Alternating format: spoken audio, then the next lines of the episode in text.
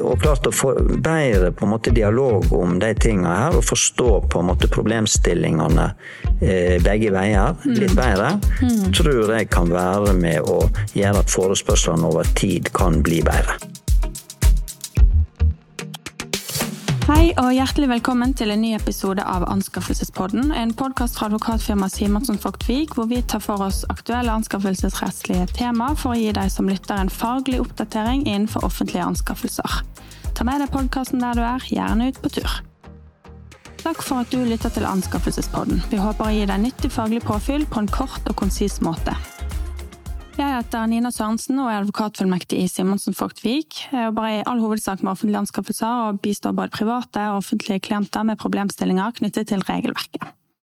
I dag har jeg med meg en ekstern gjest i studio, Erlend Bygnes fra Veidekke. Velkommen, Erlend. Takk skal du ha, Nina. Veidekke er et av landets største entreprenørselskaper. Eh, det begynte med brostein i Norge i 1936, står det på nettsiden, og siden den gang har det skjedd mye. Veidekke er en viktig leverandør til det offentlige, både i store byggeprosjekter og anleggsprosjekter, eh, og Erlend er involvert i mange av prosjektene som distriktsleder i Veidekke. Han har eh, mye erfaring fra offentlige anskaffelsesprosesser, og i denne episoden skal han dele noen av sine erfaringer og betraktninger om disse prosessene. Veldig kjekt at du vil bidra og snakke om dette viktige og interessante temaet, Erlend. Det setter vi veldig stor pris på. Eh, gir du lytterne en kort introduksjon av deg selv? Det kan jeg gjerne, Nina. Jeg er 59 år, gift og har fire voksne barn og bor i Bergen. Jeg har en bakgrunn fra yrkesskole, bygningsarbeider, ingeniørhøgskole og sivilingeniør-NTH. Har jobba i Veidekke siden 1993 og er nå distriktsleder i Bygg Bergen. Har også jobba i andre selskap tidligere, Aker Entreprenør, Høyre Ellefsen, Astrup Høyer, PK Nord, Norwegian Contractors og litt på rådgiversida. Og så sitter jeg i byggebransjens faglige juridiske råd, og sitter også i styret i Entrepriserettsforeningen i Bergen. Vi er alle klar over at offentlige anskaffelsesprosesser krever mye tid og ressurser fra leverandørene som deltar. Hva skal til for å gjøre prosessene mer effektive? Og hva skal oppdragsgiverne gjøre for å i enda større grad treffe markedet og trekke til seg de relevante eh, leverandørene? Erlend, vi skal snakke litt om hvilke erfaringer du har gjort deg. Er det noe som systematisk går igjen? Er det noen deler av prosessene som er unødvendig tungvinte? Eh, og egentlig eh, så er vel overordnet spørsmålet om den tiden og det arbeidet leverandørene legger ned, er det en samfunnsmessig fornuftig og riktig ressursbruk? Så kan du først eh, si noe mer om hvordan du opplever eh, forutsigbarheten i anskaffelsene. Eh, det henger jo i stor grad sammen med hvordan oppdragsgiver har planlagt og lagt opp prosessen. Ja, det kan jeg si litt om. Det er veldig viktig å ha stor forutsigbarhet. At vi vet hva som er omfanget av prosjektet og forespørselen, at vi vet når den kommer ut, om det er prekvalifisering, og selvfølgelig ikke minst hva slags entrepriseform det er. Og så er det sånn klassisk òg, tilbudsfrist. Når kommer tilbudet ut? Eh, hva er tilbudsfristen, og hva er planen for valg av entreprenør? Og selvfølgelig, når skal kontrakt skrives og gjennomføringen skje? Mm. Det er viktige forutsetninger for oss å vite mm. i forkant. Eh, det er ofte lite informasjon. Mm.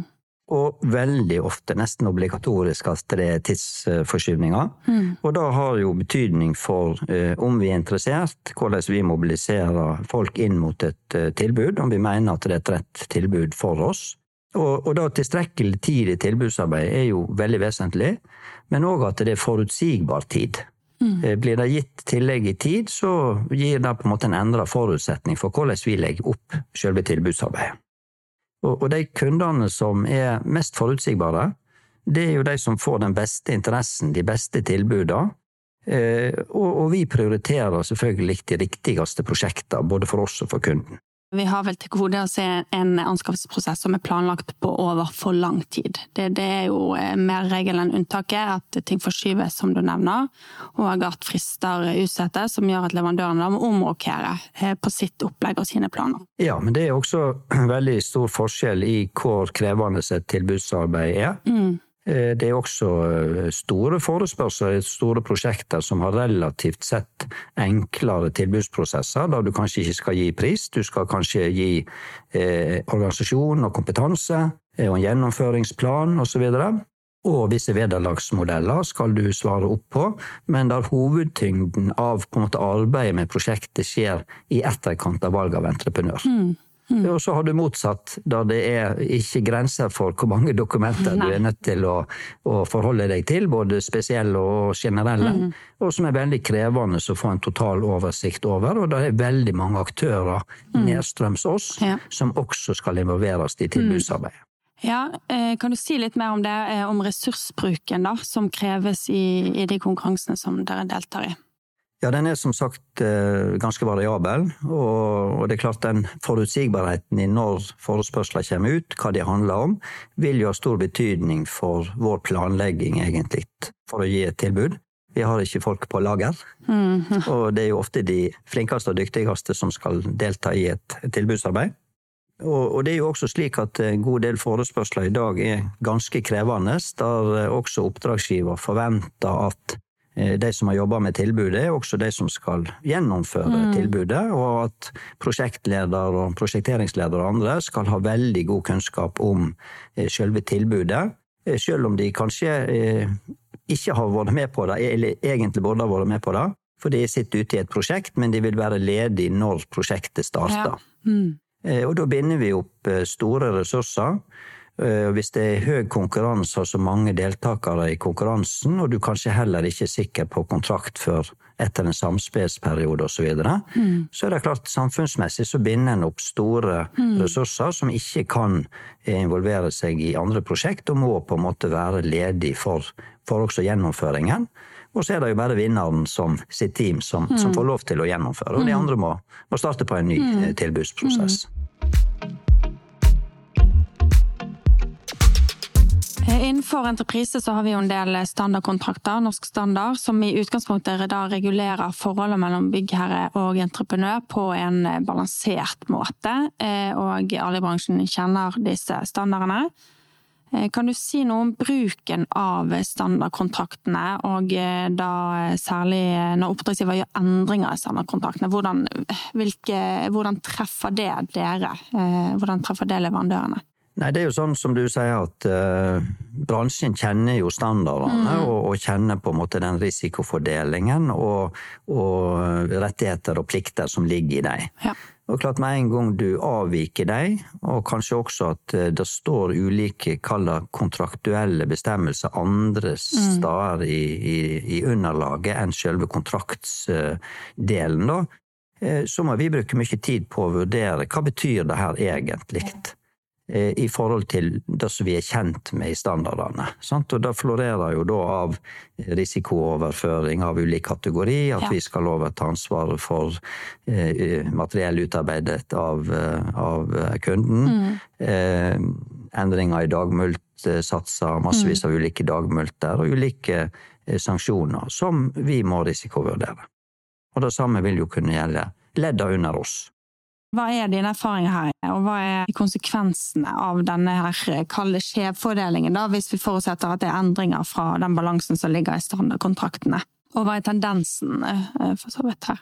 Det er stor forskjell her. Altså, mm. Det er også mange byggherrer som er flinke til å gjøre disse her vurderingene. Mm. Så jeg sier ikke at dette er gjennomgående, mm. men mm. en kan av og til få en følelse av at en del eh, kunder eh, åpenbart stiller strengere og strengere krav i en tiltro til og gjerne på litt utydelig måte, da, ja. Eh, til at det her gir bedre tilbud, og ikke minst en bedre gjennomføring. Mm. Men det er sterkt eh, misforstått, mm. egentlig. Mm. For er, er det her tinga utydelige, eller de er på en måte risikooverføringer du ikke kan påvirke sjøl, så vil det veldig ofte være kimen til konflikter i, ja. i neste omgang. da. Ja.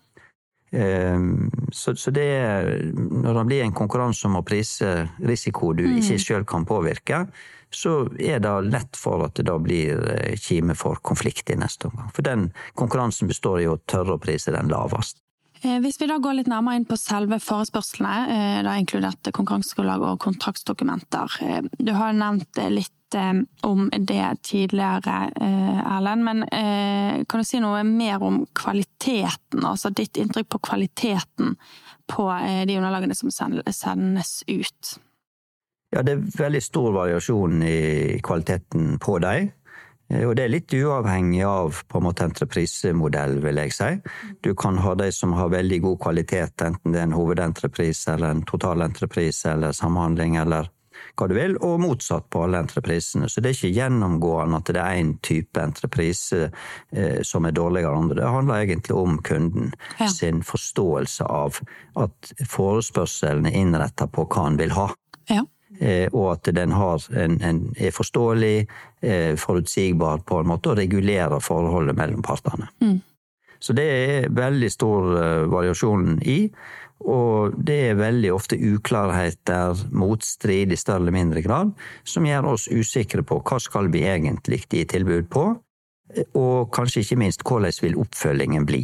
Hvilke typer rettigheter og plikter har vi egentlig? Mm. Og ikke minst i en totalentreprise, der det vil være det her med at du skal oppfylle offentlige krav, samtidig skal du oppfylle funksjonskrav, mm. samtidig skal du kanskje forholde deg til eh, en mangde med detaljkrav, som ikke nødvendigvis heller er gode nok i forhold til funksjon eh, og offentlige krav. da. Ja, Basert på, på dette, Erlend, så har du en oppfordring da, til oppdragsgiverne eh, der ute. Når man nå skal, nå skal vi i gang med en ny anskaffelse, hva gjør vi nå for å sikre eh, at leverandørene i større grad får ut noe som de kan jobbe med på en eh, hva skal jeg si, konstruktiv eh, måte, med fornuftig ressursbruk?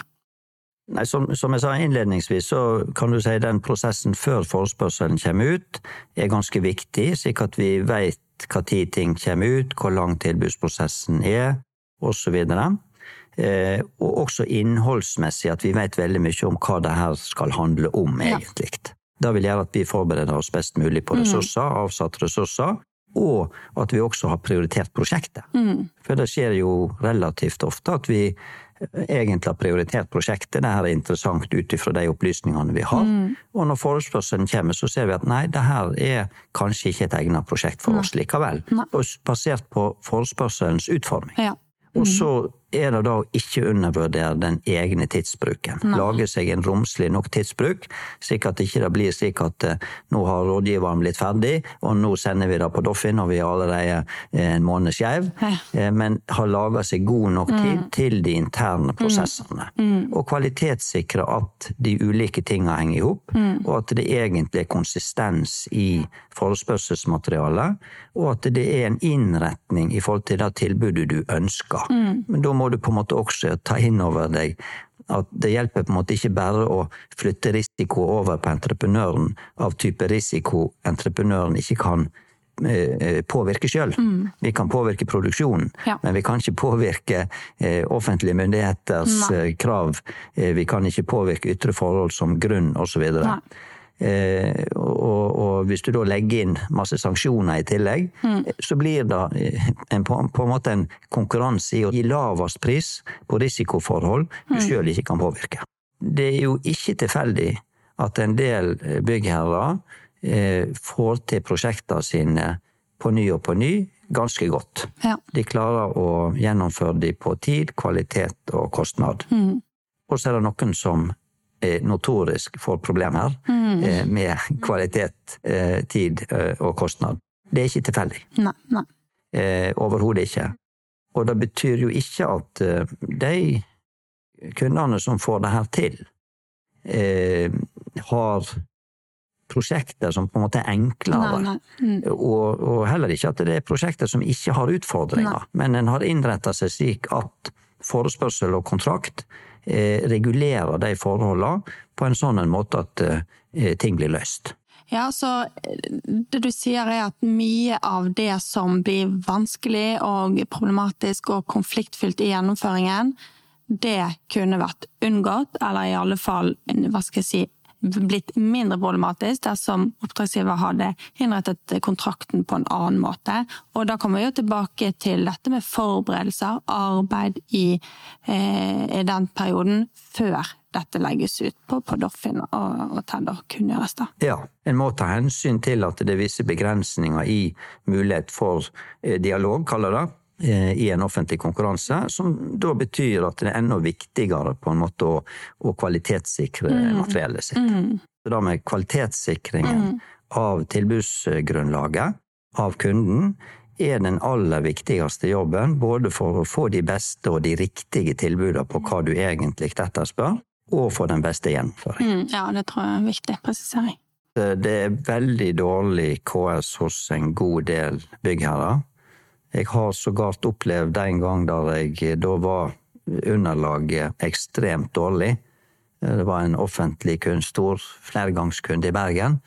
Og så ringte jeg til prosjektlederen. Det her var før en begynte med de her basene, på en måte, da. Mm, mm. Der all kommunikasjon skjer digitalt. Og så ringte jeg til, til prosjekteieren der, og så spurte jeg hva, hva syns du sjøl om tilbudsgrunnlaget? Svaret var sånn at nei, det har jeg aldri sett. Det ligger en kartong på, på, kontoret mitt, men det er jo rådgiveren som har utarbeida det. Da har du på en måte lagt eh, grunnlaget for å få dårlige tilbud og få en dårlig mm. gjennomføring. Det er nok også litt slik, iallfall er det lett å tenke seg, at eh, det er blitt en kultur for at en samler på en måte alle de dokumentene en har, og alle spesifikasjoner. En del er bare mm. resirkulert av gamle spesifikasjoner. Og så vet en for så vidt at det kanskje ikke er helt optimalt, men en satser på at entreprenørene avdekker ja. feil og mangler, motstrid, og stiller spørsmål i løpet ja. av tilbudsprosessen. Satser på at det blir fanget opp. Ja, mm. og, og, det blir veldig kontraproduktivt, mm. mm. i stedet for på en måte å ha gjort den kvalitetssikringen mm. sjøl.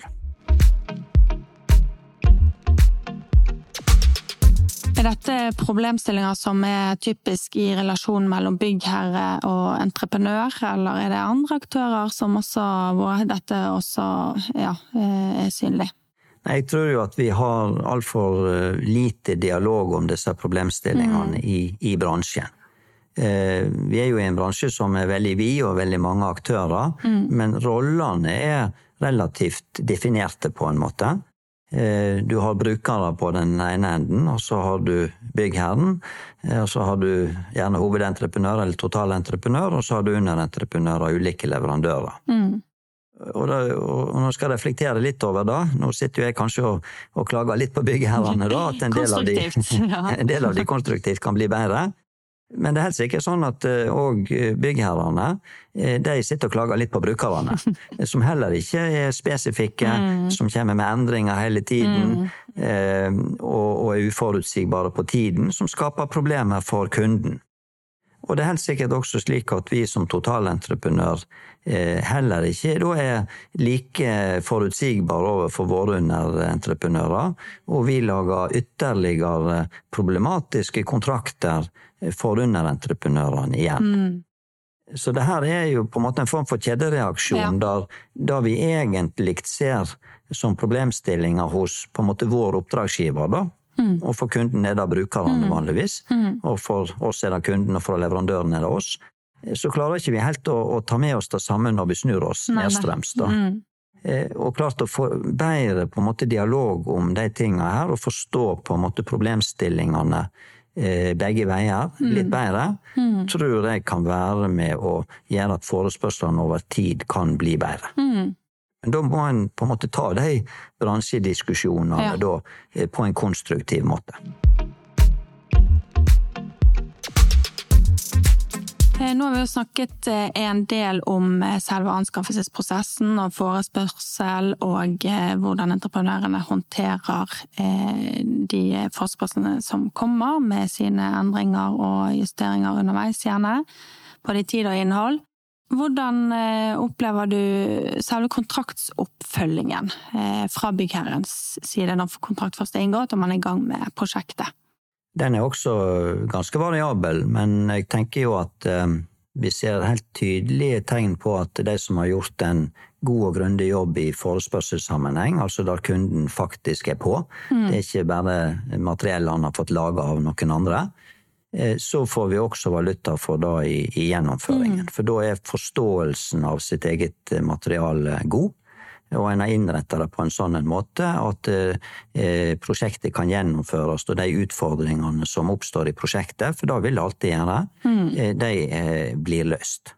Eh, så er jo selvsagt ting også personavhengig på alle, ja. alle sider av, av, bordet, og det er jo veldig mange aktører involvert i en prosess, også under oss som entreprenør. Mm. Så vi er avhengig av at alle klarer å være med og spille hverandre gode. Ja, ja, ja. Altså at en på den ene sida klarer å sette prosjektets beste i sentrum. Mm. Men samtidig så er det jo slik at det er veldig mye penger på spill. Mm. Det er store verdier for alle aktørene i, i en sånn en gjennomføring. Så en skal på en måte ha stor respekt for at eh, det kan være krevende å, å følge opp en sånn kontrakt. Ja. For det er store verdier i, i spill. Mm.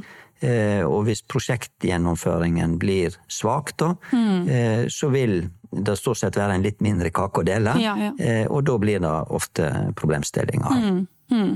Og så er det nok veldig ofte at vi òg opplever at de som skal gjennomføre prosjektet, og kanskje har laga strenge rutiner på det kontraktuelle, mm. De er likevel ikke helt klar over at de også har plikter. Nei. Det blir veldig sånn at entreprenøren har fått veldig mange plikter. Eh, men så følger en gjerne ikke sine egne deler. Nei. Eh, så sier ikke jeg at ikke entreprenører nå kan bli mest opptatt av at de andre skal gjøre jobben sin, og at ikke entreprenøren skal gjøre det, men jeg tror det er ganske viktig i en sånn gjennomføring at hver part på en måte starter med å og se på hva er det som er våre plikter, og prøve å følge opp sine egne plikter og, mm. og rutiner, mm. i stedet for å ha mest fokus på den andres plikter. Mm. mm. Hvis en klarer å løse sine egne oppgaver i, i gjennomføringen, mm. så går det stort sett bedre. Og gjerne også gå igjennom i fellesskap, slik at en får avklart ok, hvordan skal vi samhandle på det her, og hva er dine rettigheter og mm. plikter, slik at en Altså, jeg tror av og til at deler av kontrakten ligger liksom i, i skuffen hos begge parter, ja. og så har en ikke diskutert eh, nok hvordan skal vi løse de her utfordringene, hvordan mm. skal vi løse de her rettighetene og pliktene Nei. som vi er avhengig av på begge sider, og snakke mer om de før problemet har oppstått. Mm. Nærmer vi oss slutten på dagens episode. Tusen takk for at du ville dele dine erfaringer med oss, Erlend. Eh, det ligger helt klart noen konstruktive tilbakemeldinger og oppfordringer til oppdragsgivere her, eh, men for så vidt også til de andre aktørene i, i bransjen, for hvordan man kan oppnå mer effektive anskaffelser og eh, prosjektgjennomføring, og hvordan man kan oppnå en mer samfunnsmessig riktig ressursbruk. Så vil du kort oppsummere det vi har vært igjennom med noen avsluttende betraktninger? Ja, først vil jeg nå takke for at jeg fikk være med. Jeg syns jo at det her er veldig spennende mm. tema.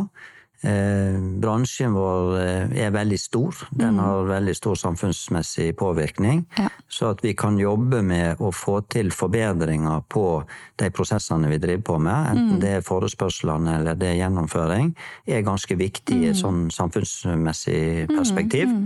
Så å, å, få til den evnen på dialog, få klare å forstå hverandre, hvorfor skriver kunden det han mm. skriver, hvorfor, hvordan virker det her på entreprenøren, mm. både i tilbudsfase og gjennomføringsfase. Eh, hvordan skal vi klare å få til de beste forespørslene i forhold til hva kunden egentlig vil ha, og få mm. ut det beste i både oss som eh, total- eller hovedentreprenør og i leverandørleddet det er et eh, kontinuerlig mm, arbeid, egentlig, ja. som kan mm. ha veldig stor samfunnsmessig betydning. Mm. Og så er det jo også slik at det er mye kjekkere å jobbe med prosjekter der du får brukt det beste i organisasjonen din, mm. i stedet for på en måte å prøve å finne feil, eller ja, prøve, ja, ja. Å, prøve, Å, forstå ting som er vanskelig å forstå. Mm. Så det ligger et, på en måte et uh, menneskelig aspekt i, i, det her som ikke en skal undervurdere. Da runder vi av og takker for oss. Erlend, tusen takk for ditt bidrag i denne episoden. Og, tusen takk til våre lyttere, som vi håper har fått nyttig faglig påfyll gjennom en leverandørs perspektiv på offentlige anskaffelsesprosesser. Husk å følge Anskaffelsespodden enten på Spotify eller Apple Podcast for å få med deg de siste episodene. Har du spørsmål til Anskaffelsespodden eller temaforslag, send oss gjerne en e-post til podkastalfakrøll.svw.no. Kjære lytter, jeg ønsker deg hjertelig velkommen til neste podkastepisode. Ha det bra! Ha det bra!